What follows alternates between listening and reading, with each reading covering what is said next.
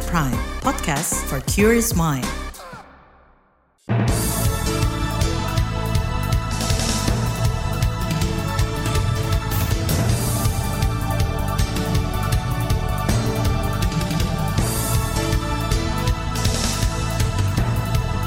Selamat pagi saudara, senang sekali kami bisa menjumpai Anda melalui program Buletin Pagi edisi Kamis 19 Januari 2023. Bersama saya Naomi Liandra. Sejumlah informasi pilihan telah kami siapkan, di antaranya Jokowi serukan RUU Perlindungan Pekerja Rumah Tangga segera disahkan. Eliezer dituntut 12 tahun penjara, jaksa dinilai tidak adil. 29 saksi akan dihadirkan di sidang lanjutan tragedi Kanjuruhan hari ini. Inilah buletin pagi selengkapnya. Terbaru di buletin pagi. Presiden Joko Widodo menegaskan pemerintah berkomitmen memberikan perlindungan terhadap pekerja rumah tangga. Jokowi mendorong agar rancangan Undang-Undang Perlindungan Pekerja Rumah Tangga RUU PPRT segera disahkan. RUU PPRT sudah masuk dalam daftar RUU prioritas di tahun 2023 dan akan menjadi inisiatif DPR. Untuk mempercepat penetapan Undang-Undang PPRT ini, saya perintahkan kepada Menteri Hukum dan Hak Asasi Manusia dan Menteri Ketenagakerjaan untuk segera melakukan koordinasi dan konsultasi dengan DPR dan dengan semua stakeholder. Presiden Jokowi berharap Undang-Undang Perlindungan Pekerja Rumah Tangga dapat memproteksi pemberi dan penyalur kerja secara lebih baik. Jokowi juga menyoroti RUU PPRT sudah 19 tahun mangkrak, padahal 4 juta pekerja rumah tangga di tanah air menanti-nanti regulasi tersebut. Menteri Ketenagakerjaan Ida Fauzia memastikan RUU Perlindungan Pekerja Rumah Tangga mengatur juga pemberian jaminan sosial bagi para PRT. Itu juga yang termasuk diatur dalam RUU PPRT ini, perlindungan dan jaminan sosial, baik perlindungan jaminan sosial kesehatan maupun jaminan sosial ketenagakerjaan. Selama ini payung hukum perlindungan pekerja rumah tangga hanya berbentuk peraturan Menteri Ketenagakerjaan. Badan Legislasi DPR menyambut baik permintaan Presiden Joko Widodo agar pengesahan RUU PPRT dipercepat. RUU inisiatif DPR itu sudah diajukan sejak 18 tahun lalu. Wakil Ketua Badan Legislasi DPR, Willy Aditya, mengatakan DPR kini menunggu surat Presiden dan daftar inventarisasi masalah agar bisa segera dibahas bersama. Kami memastikan ini untuk kapan diparipurnakan itu tahapan karena mobilnya sudah ada, supirnya sudah ada, tinggal starternya ini. Nah, starternya itu rapat paripurna. Nah, kapan jalannya setelah di starter ini? Setelah surpres surat presiden dan BIM dikirim ke DPR. Di, baru kemudian dibahas bersama. Terima kasih sekali lagi. Selamat untuk kita semua. You never walk alone. Let's walk hand in hand. Wakil Ketua Badan Legislasi DPR, Willy Aditya, sepakat RUU Perlindungan Pekerja Rumah Tangga perlu segera disahkan agar menjadi payung hukum yang dapat melindungi pekerja rumah tangga dari eksploitasi, diskriminasi, penindasan, dan ketidakadilan. Sementara itu, Koordinator Koalisi RUU PPRT sekaligus Direktur Institut Sarina, Eva Sundari optimistis RUU PPRT akan segera disahkan dalam waktu dekat. Apalagi Presiden Joko Widodo juga sudah memerintahkan sejumlah menterinya melobi DPR. Bahwa pembahasan akan cepat, ya, karena menurut Pak Wamenkumham dan menurut kita semua ya, dibandingkan TPK, TPKS, undang-undang ini sangat uh, minimalis uh, dan tidak ada pidananya dan bahkan jumlah uh, dari pasalnya juga lebih sedikit dibandingkan TPKS. Jadi uh, saya merasa confident dan istilah saya ya Pak Jokowi ini baru uh, seperti dokter yang baru operasi ring jantung, jadi menjadi lancar gitu. Koordinator Koalisi RUU PPRT sekaligus Direktur Institut Sarina, Eva Sundari menambahkan koalisi akan menitipkan aspirasi kepada fraksi PDIP dan fraksi Golkar. Eva mengklaim fraksi Nasdem, Nasdem dan PKB juga sudah menunjukkan dukungan positif. Eliezer dituntut 12 tahun penjara, jaksa dinilai tidak adil dan tidak konsisten. Informasinya akan hadir sesaat lagi. Tetaplah di Buletin Pagi KBR. You're listening to KBR Pride, podcast for curious mind. Enjoy!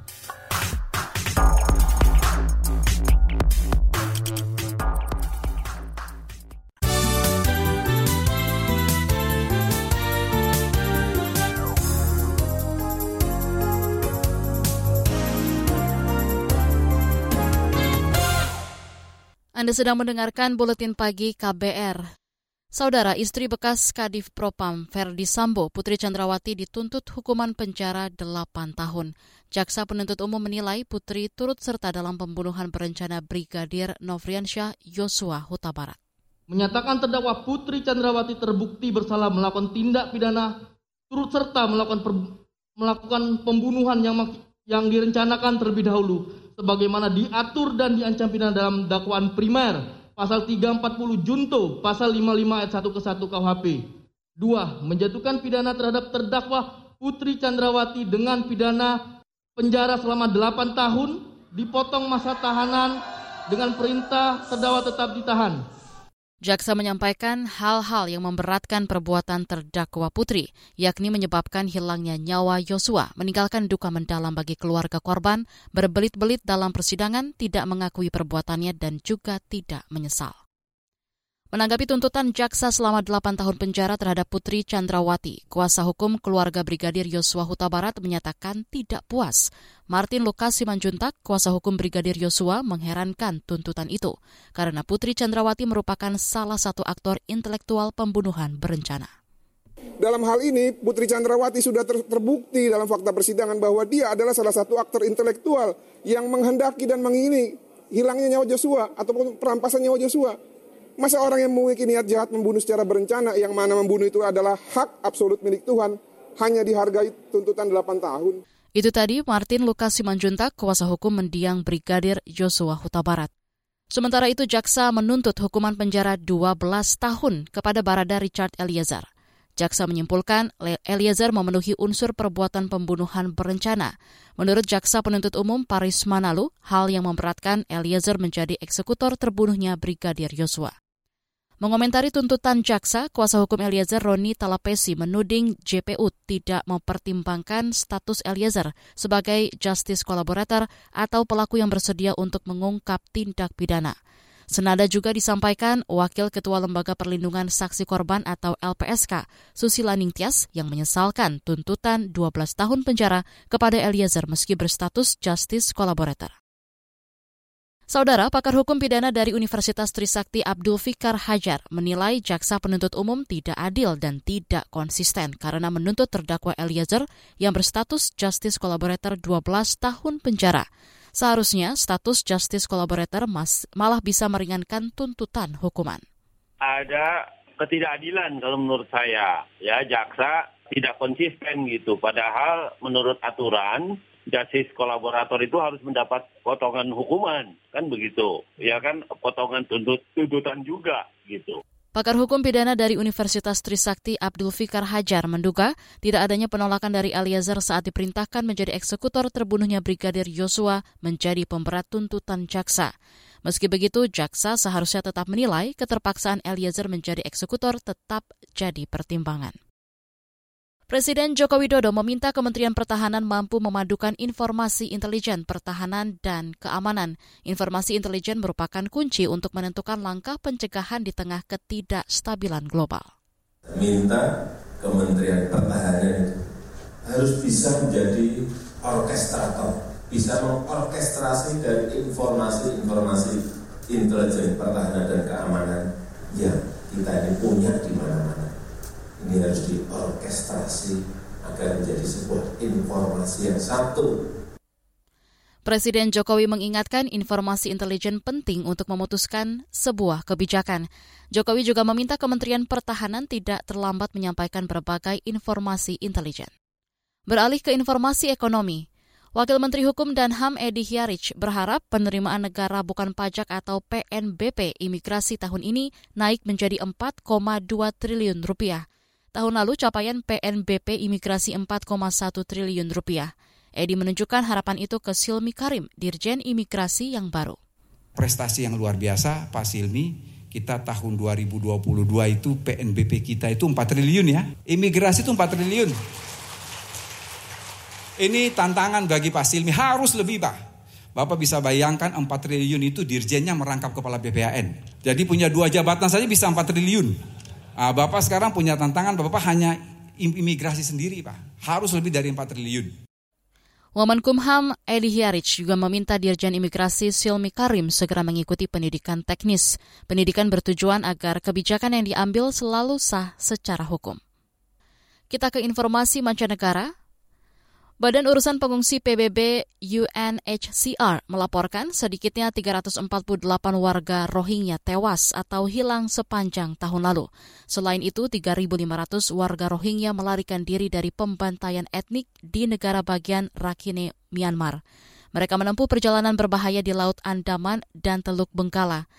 UNHCR memperkirakan jumlah penyeberangan laut warga Rohingya tahun lalu mencapai lebih dari 2.500 kasus. Jumlah ini melonjak tiga kali lipat dibandingkan tahun sebelumnya. Kebanyakan kapal-kapal warga Rohingya berangkat dari Myanmar dan Bangladesh. Saat ini Bangladesh menampung lebih dari 1,2 juta warga Rohingya di 33 camp. Sedangkan di Indonesia sejak 2011 silam, ada belasan kali kapal-kapal warga Rohingya terdampar di perairan Aceh. Jumlah manusia perahu itu lebih dari 1.800 orang. Menteri Dalam Negeri Ukraina tewas dalam kecelakaan helikopter di Kiev. Kecelakaan pada Rabu waktu setempat itu menewaskan 18 orang termasuk tiga anak-anak. Kecelakaan juga melukai 29 orang termasuk 15 anak-anak. Gubernur Kiev, Olevskis Kuleba, mengkonfirmasi helikopter milik layanan darurat pemerintah Ukraina itu jatuh dekat sebuah taman kanak-kanak dan bangunan rumah tinggal. Helikopter tersebut dilaporkan bergerak menuju salah satu titik panas dalam konflik dengan Rusia. Belum ada informasi terperinci terkait penyebab kecelakaan tersebut. Beralih ke berita olahraga. Di babak pertama turnamen India terbuka, wakil-wakil Indonesia mulai berguguran. Ganda putra The Daddies, Hendra Asan, tersingkir lewat laga tiga game melawan Liang Wei Kang, Wang Chang asal Cina. Nasib serupa dialami ganda campuran Indonesia Zakaria Zosyahno, Hediana Julie Marbella yang kalah dari wakil Denmark Alexandra Boye Matthias Christensen. Sementara itu ganda putra Fajar Alfian Muhammad Rian Ardianto mengalahkan Choi Sol Kyu Kim Won Shu asal Korea Selatan dengan skor 21-17, 21-16. Di babak selanjutnya, Fajar dan Rian akan bertanding melawan rekan senegara Muhammad Sohibul Fikri dan Bagas Maulana. Di tunggal putri, Gregoria Mariska Tunjung sukses menaklukkan wakil Denmark Lane Christophersen 21-17 dan 21-19.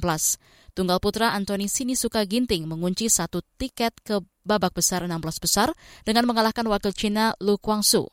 Laga tiga game ini alot dan berlangsung 81 menit. Sukses Ginting tidak diikuti Cesar Hiren Rustavito. Vito kalah dari jagoan Malaysia Lee Shijia. Saudara, hari ini Ginting akan menghadapi andalan Thailand, Kantapon Wangcharoen. Sedangkan Jonathan Christie akan meladeni Sao Sun Peng dari China. Turnamen India Terbuka 2023 berlangsung hingga Ahad 22 Januari. Hadiah total yang diperebutkan 900 ribu dolar Amerika atau sekitar 13,6 miliar rupiah.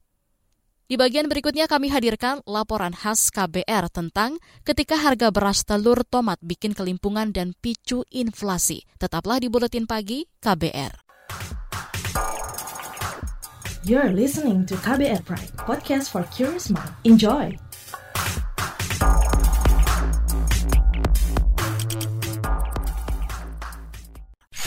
Commercial break. Commercial break.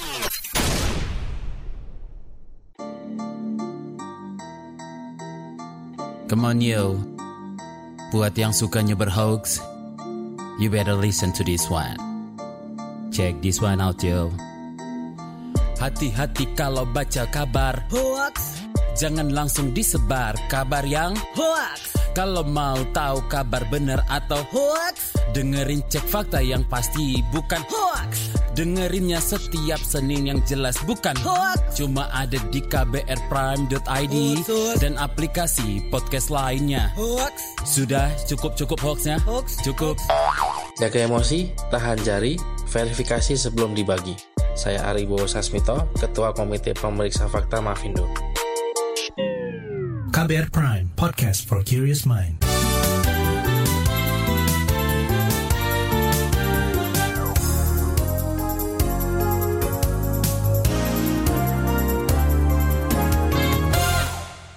Anda masih bersama kami di Buletin Pagi KBR.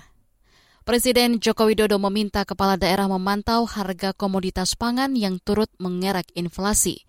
Realisasi anggaran daerah diharapkan dapat memberikan manfaat seluas-luasnya untuk masyarakat. Bagaimana memaksimalkan upaya menekan inflasi di tengah ketidakpastian ekonomi? Berikut laporan khas KBR yang disusun reporter KBR Mutia Kusuma Wardani. Saudara Presiden Joko Widodo memerintahkan perusahaan umum Badan Urusan Logistik atau Perumbulok dan pemerintah daerah agar semaksimal mungkin menekan kenaikan harga sejumlah komoditas pangan. Jokowi menyebut saat ini ada hampir 80 daerah mengalami kenaikan harga beras, lalu hampir 90 daerah mengalami kenaikan harga telur, serta lebih dari 80 daerah mengalami kenaikan harga tomat. Seluruh gubernur, bupati dan wali kota bersama-sama dengan Bank Indonesia terus memantau harga-harga barang dan jasa yang ada di lapangan. Sehingga selalu terdeteksi sedini mungkin sebelum kejadian besarnya itu datang. Hati-hati dengan yang namanya kenaikan beras. Sudah, saya sudah dua hari yang lalu memperingatkan Bulog untuk masalah ini. Sepanjang tahun lalu ada 23 provinsi yang mengalami laju inflasi lebih tinggi dari rata-rata nasional. Inflasi tertinggi antara lain Sumatera Barat dengan inflasi 7,43 persen dan Sulawesi Tenggara 7,39 persen. Sedangkan inflasi nasional sepanjang 2022 menurut Badan Pusat Statistik adalah 5,51 persen. Menteri Keuangan Sri Mulyani juga turut mendorong para kepala daerah mengendalikan laju inflasi dengan memanfaatkan anggaran pendapatan dan belanja daerah atau APBD.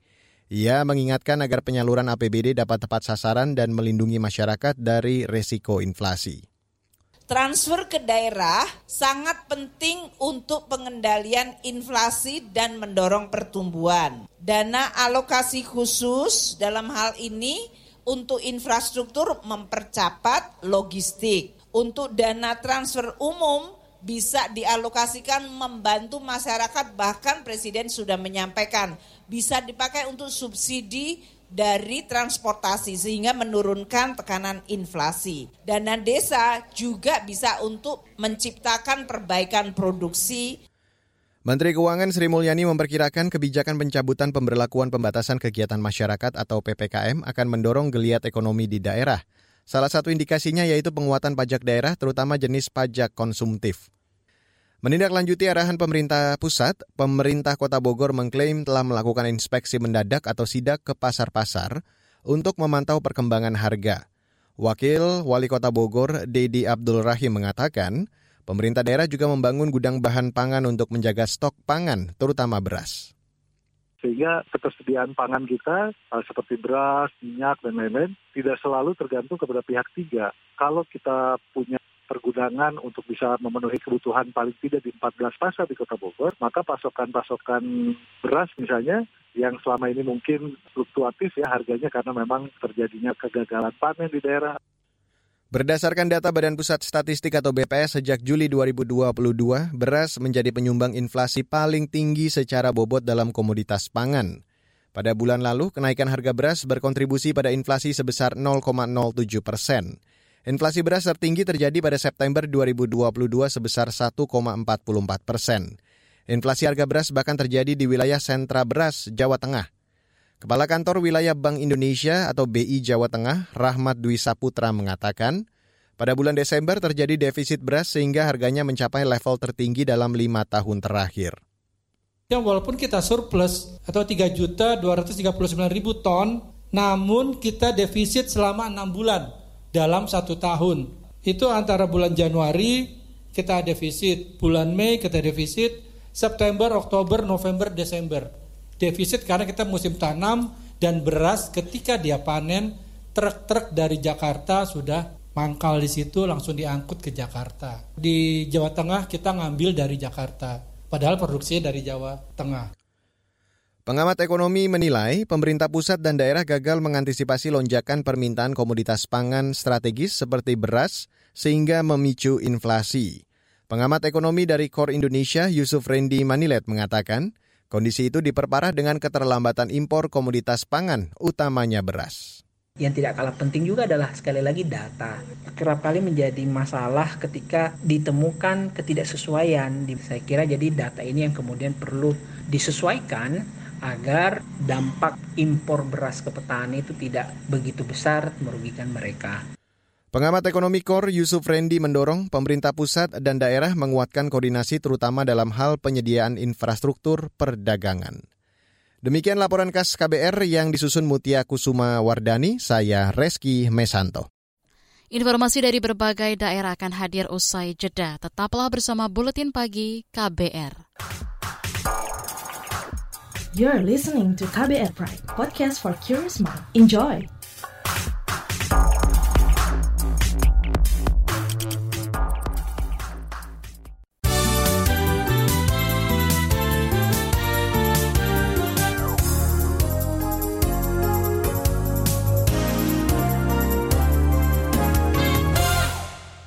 Inilah bagian akhir buletin KBR. Kita ke Jawa Timur. DPRD Malang menyesalkan persidangan tragedi Kanjuruhan yang tertutup dan membatasi ruang gerak para keluarga korban. Anggota DPRD Malang Arif Wahyudi menyebut negara tidak adil dalam penyelesaian tragedi Kanjuruhan karena kurang mampu mengungkap fakta. Kami selaku DPRD Kota Malang, selaku wakil rakyat, merasa bahwa negara tidak adil di dalam tragedi Kanjuruhan. Dan ini harus kami kawal sampai betul-betul rasa keadilan itu ada di tengah-tengah para korban, di tengah-tengah supporter Aremania. Anggota DPRD Malang, Arif Wahyudi juga mendesak persidangan tragedi Kanjuruhan di Pengadilan Negeri Surabaya dilakukan terbuka. Selain itu, jangan ada lagi intimidasi terhadap keluarga korban. Hari ini Kejaksaan Tinggi Jawa Timur akan menghadirkan 29 saksi dalam sidang lanjutan tragedi Kanjuruhan. Para saksi berasal dari sipil, Polri, juga petugas keamanan saat pertandingan berlangsung. Kita ke Jawa Barat. Dinas Kesehatan Kota Cirebon mengungkapkan hampir 20 persen warga tidak memiliki akses jamban sehat sehingga buang air besar sembarangan. Kepala Dinas Kesehatan Kota Cirebon, Siti Maria Listiawati, mengatakan jumlah warga yang memiliki jamban sehat sekitar 81 persen. Nah, Kota Cirebon itu sudah 81 persen ODF secara akses. Artinya, meskipun uh, masih banyak yang belum memiliki jamban yang terhubung dengan septic tank, uh, tapi udah 81 persen sebelumnya itu udah 18 kelurahan kita sudah ODF dinyatakan ODF secara akses. Warga kota Cirebon yang belum memiliki akses jamban sehat tersebar di empat kelurahan, yakni Argasunya, Lemah Wungkuk, Kesepuhan, dan Pulasaran. Fasilitas jamban sehat sangat penting untuk mencegah penyebaran penyakit diare yang merupakan pembunuh balita terbesar kedua setelah pneumonia. Kembali ke ibu kota. Komisi Pemberantasan Korupsi menyita sejumlah barang bukti terkait dugaan korupsi pengadaan tanah di Pulau Gebang, Jakarta Timur oleh Perumda Saranajaya pada 2018 hingga 2019. Kasus ini terkait program rumah dengan DP 0%. Juri bicara KPK Ali Fikri mengatakan bukti itu didapat dari hasil penggeledahan di gedung DPRD DKI Jakarta selasa lalu. Setidaknya ada enam uh, tempat ruang kerja di gedung DPRD DKI Jakarta di lantai 10, 8, 6, 4, 2 dan juga ruang kerja eh, Komisi C DPRD DKI Jakarta. Masuk di sana itu ada ruang staf-stafnya gitu ya. Juru bicara KPK Ali Fikri menambahkan nilai kerugian negara dalam kasus ini mencapai ratusan miliar rupiah. KPK juga sudah menetapkan tersangka, namun belum mau mengungkapkan tersangka dalam kasus ini.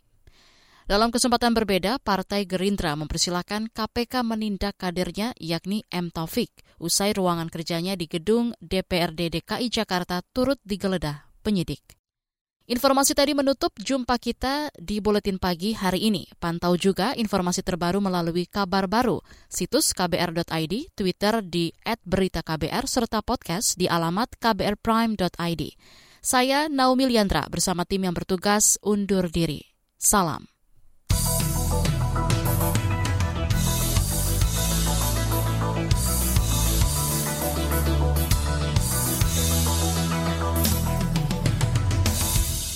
KBR Prime, cara asik mendengar berita.